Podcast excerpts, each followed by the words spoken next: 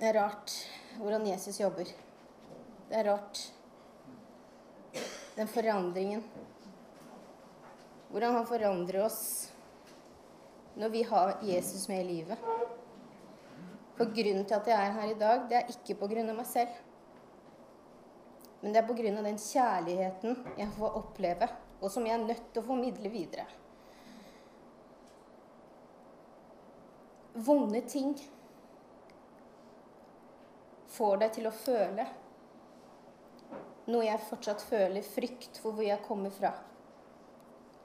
Og det gjør at vi alltid ser et sted som er skapt, istedenfor å skape det Gud har gitt deg autoritet og kraft til. Med det jeg sa nå, så skal jeg gå gjennom historien om Moses og et par ting her som Herre har lagt på hjertet mitt. Vi hører om kallene, om, om kallene som David, Abraham og Moses hadde. Og jeg tror det er godt å vite og ydmyke oss om at kallene deres er unike, men de var ikke bedre. De var annerledes. Når du er fra en liten by, et lite miljø, og gavene dine er unike, og kallet ditt er unikt, er det lett å føle seg oppblåst. Fordi du er begavet, kan du være den eneste som kan gjøre det du gjør. Det betyr ikke at du er bedre. Josef var ikke bedre enn broren sin. Han var annerledes. Jakob var ikke bedre enn Esa. Han var annerledes. Og det er godt å vite at du er annerledes. Ditt unike kall. Oppgaven din som du skal gjøre denne sesongen, er annerledes. Du, ikke, du har kanskje ikke en mikrofon, plattform. Det betyr ikke at personen med mikrofonen er bedre. Du er annerledes. Oppdratt annerledes. Hvis vi skal identifisere oss som mennesker med unike kall, forskjellige oppdrag Vi har tatt hensyn til måten Gud oppdrar oss på. Se på Moses i andre Mosebok. Vi ser på livet til Moses. Vi kan lett identifisere hvor annerledes det var. Hvor annerledes han var. Måten han ble oppdratt. Det er første punktet. Når du er kalt, når du er tildelt oppgaver for Gud kommer til å gjøre noe unikt med livet ditt Når det skjer, så skjer det også angrep i starten. Jeg føler at mange av oss kanskje ikke engang vil starte. Når gaven din blir støpt og skal til å realiseres. Det kommer til å skje angrep. Det er fremhevet på fiendenes planer å angripe. Akkurat som Moses' liv. Mange har sett filmen, som mange av oss har barn og barnebarn. Filmen om eh, prinsen av Egypt. Eller lest i Bibelen om Moses sitt liv. Da Moses ble født, ba faren alle om å drepe førstefødte sønner. Starten på noe er alltid under angrep. Men her er en visdomshånd og det er slik Gud hindrer angrep fra å blomstre. Han skjuler oss. Å være skjult er til gode for oss. Ikke forakt å være skjult. Ikke forakt noen som ikke vet eller ikke skjønner hva du gjør, eller hvor godt du gjør det. Du blir skjult fordi du skal bli fruktbar. Og på grunn av det må Herren skjule det. Fordi det er ting du kanskje ikke ser. Krefter, angrep, mennesker, relasjoner, omgivelser og steder som du kanskje ikke engang vet hvordan du skal beskytte deg deg selv fra. Så Herren må gjemme deg. Jeg sier ikke at det kommer til å bli lett 20, litt av 2020 og 20, hele 2021 har jeg vært skjult på mange måter. Livet med Jesus betyr ikke at det skal være lett. Det er vanskelig å velge bort verden og ta imot Jesus i livet ditt. Og ta med han hver eneste dag. Du kan bli alene. Det kan være ensomt. Veldig ensomt. Herberene 11,23. Det var ved tro at Moses' foreldre holdt ham gjemt i tre måneder. Da han ble født, det var ved tro at Guds gavene ble skjult. Så kan du stole på Gud i et skjult sted? Kan du stole på at Gud har få? Kan du stole på Gud med å være liten? Jeg føler, altså, jeg føler, at Herren har, føler du at Herren har satt deg i en sånn gjemme deg-sesong? Det beste du kan gjøre, er å ære og nyte den. Og det er rart at man skal ære og nyte den når du har det vanskelig. Men fruktbarhet er direkte knyttet med å være skjult i en sesong. Det neste som skjer i Moses' liv, og her er det som det vis, ikke vises i filmen, men for oss som har lest Bibelen, vet. Hva som skjer, er at Moses' mor la han i vannet, og Faros datter gikk i vannet, fant en baby i kurven, men filmen forteller ikke det Bibelen gjør, ja. Det er at Moses ble oppdratt av egypterne, men han ble oppfostret av moren sin. Bibelen sier at når faros datter gikk i vannet, fant en baby, Moses' søster fulgte han langs elven og spurte om han skulle finne amme for henne og fostre opp barnet. Det jeg prøver å si her, er at eh, familien din er et oppdrag.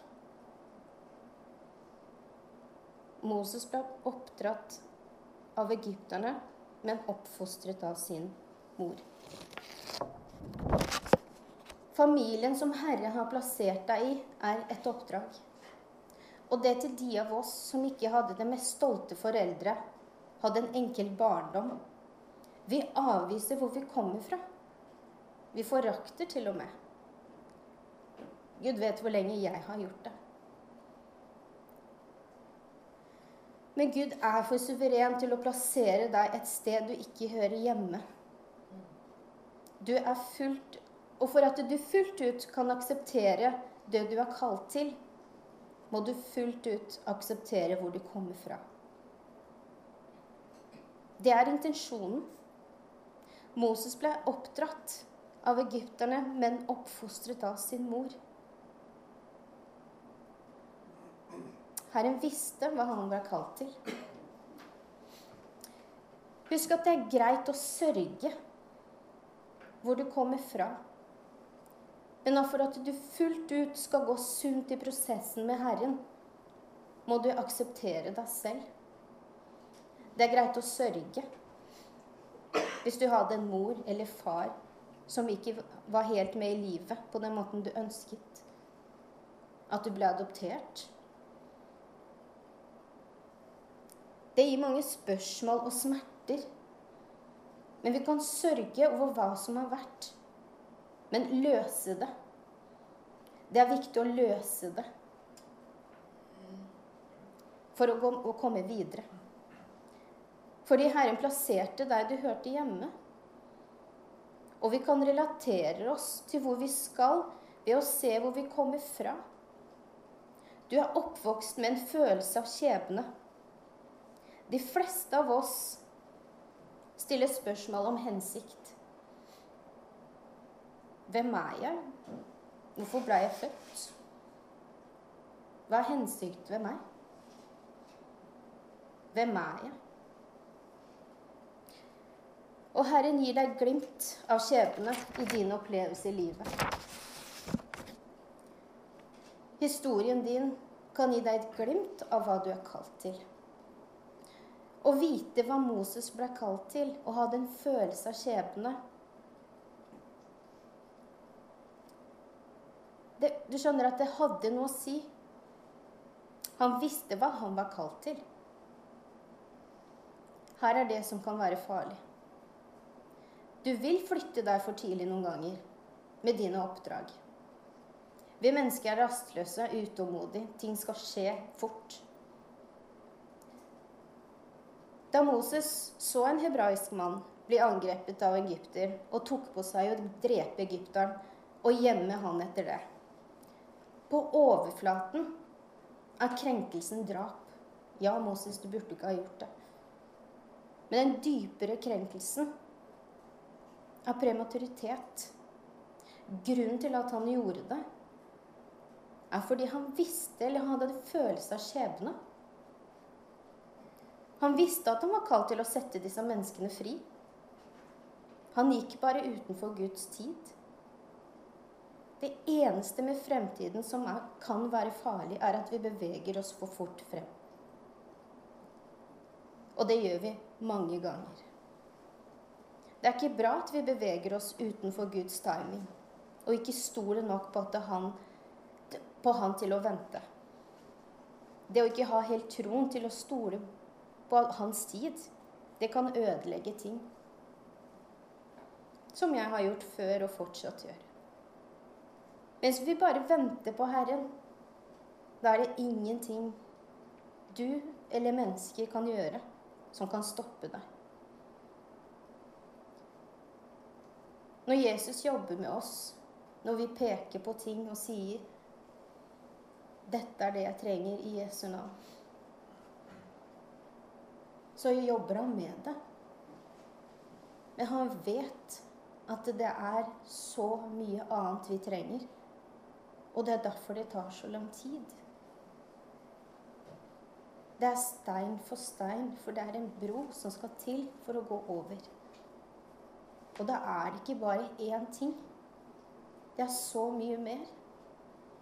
Han er så fantastisk at han hører ikke bare på bønnene våre, så han ser rett gjennom.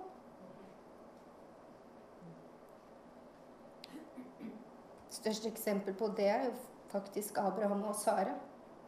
De ville ha barn. Og de tok på seg å gjøre noe før Guds tid. Og det kom på at det ikke ville gagne dem hva de hadde gjort. Vi mennesker gjør akkurat det samme her på den tid. Tilbake til Moses. Han går for fort frem for tidlig neste dag, så Moses ser noen hebraismenn slåss. Han ropte på de og sa 'stopp'. Ikke gjør det, sa han. Og da kan jeg tenke meg at de som så på han og tenkte Men Hvem i all verden er du til å fortelle oss hva vi skal gjøre? Var ikke du han som drepte henne i går? Moses trodde at ingen hadde sett ham. Og i nok en situasjon beveger han for tidlig. Beveger han seg for tidlig. Det gjorde at folk avviste ham. Hvis vi kunne forestille oss hvordan Moses muligens følte seg etter den siste hendelsen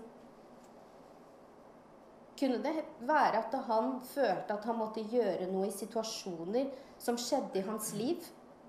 Han skulle prestere, men han misforsto hvordan, og folk misforsto han. Jeg er her fordi jeg ønsker å hjelpe til med det jeg trengte, og trenger fortsatt hjelp med. Jeg veit hvorfor jeg ble adoptert. Jeg veit hvorfor jeg er her hvorfor jeg tilhører min familie. Men du kommer til å stille spørsmål ved alle mine anstrengelser, mine forsøk på å prøve å gjøre det Herren har kalt meg til.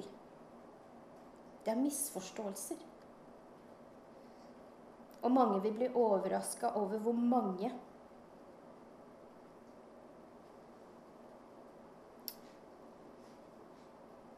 av oss i dette rommet som flykter fra hvor vi skal være pga. misforståelser. Pga. hvem som ikke forsto deg. Finn vet at vi alle har en god følelse av å bli forstått. Det føles bra med bekreftelse fra mennesker. Familien, vennene våre. Spesielt når det er noe vi gjør for Gud med Han. Hans oppgaver. Finn vet at han kan bruke misforståelse til å gjøre hjertet ditt bittert. Til å få deg til å flykte fra det du er kalt til å gjøre. Han vil gjøre det hver gang. Og det er ingen som vil forstå deg før du er ok med at folk misforstår deg. Men fortsett i ditt hjerte i dag at hvis du er kalt Du er kalt til å gjøre noe. Han vil Nå misforstår jeg, beklager. At det, ingen vil forstå deg før du er ok med at folk misforstår deg. Så fortsett i ditt hjerte i dag at hvis du er kalt og utvalgt De fleste kommer ikke til å forstå deg.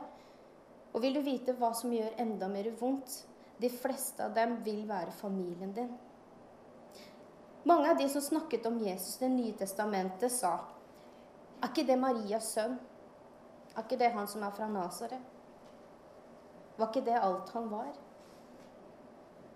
Det er fordi de nærmeste av deg sannsynligvis ikke vil forstå deg. Jesus visste at det var mange som ikke ville forstå ham.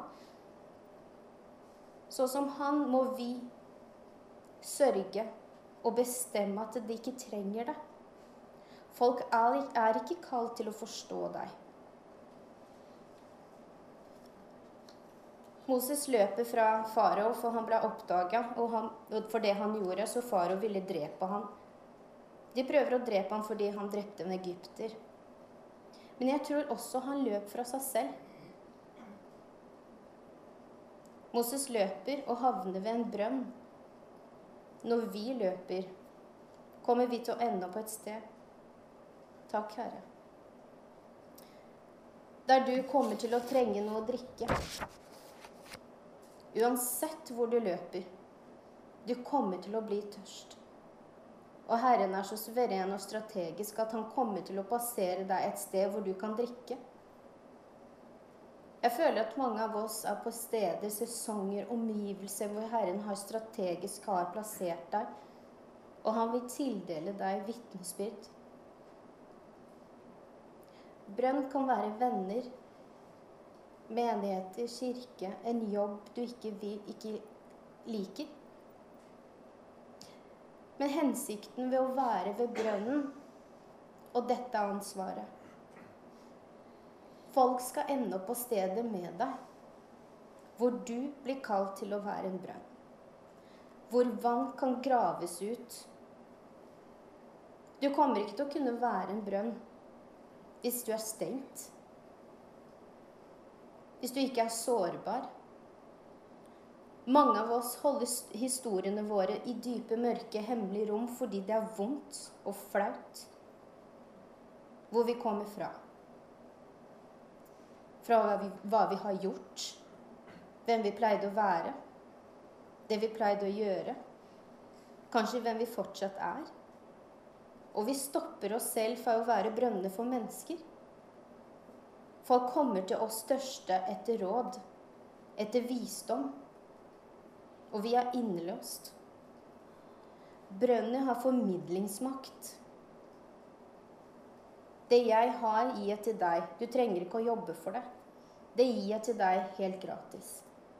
Viljeprinsippet er det som tar år å grave. Ta bare et øyeblikk å helle. Det er kraften vi har.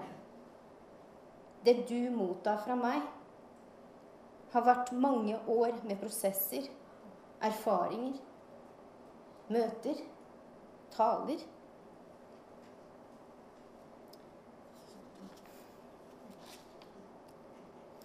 Tiden Herren har brukt for å grave ut ting. Det tar meg bare ett øyeblikk å helle.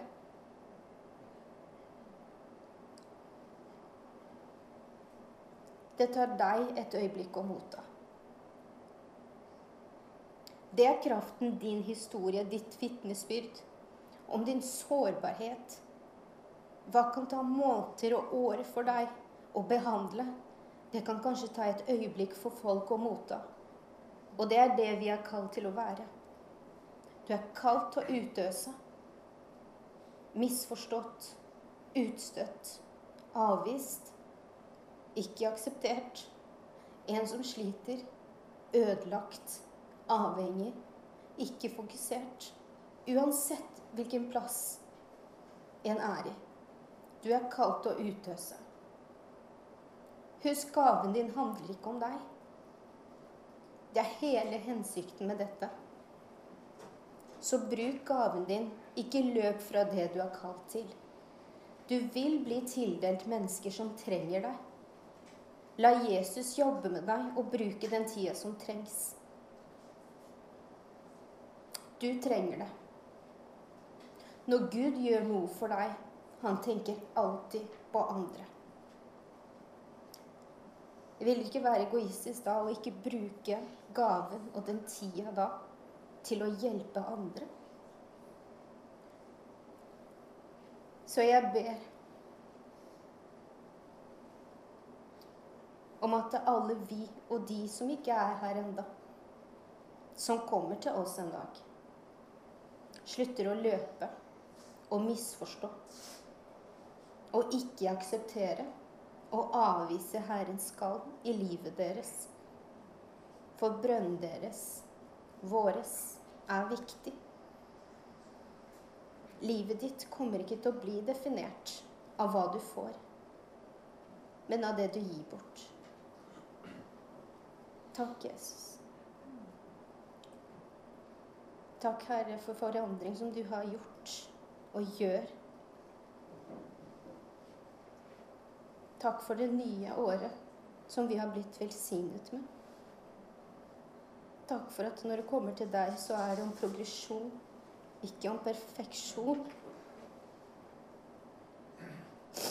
Takk for nåde hver dag, din evige kjærlighet. Takk for den jeg er i dag. Takk for at jeg er kalt til å utøse. Amen.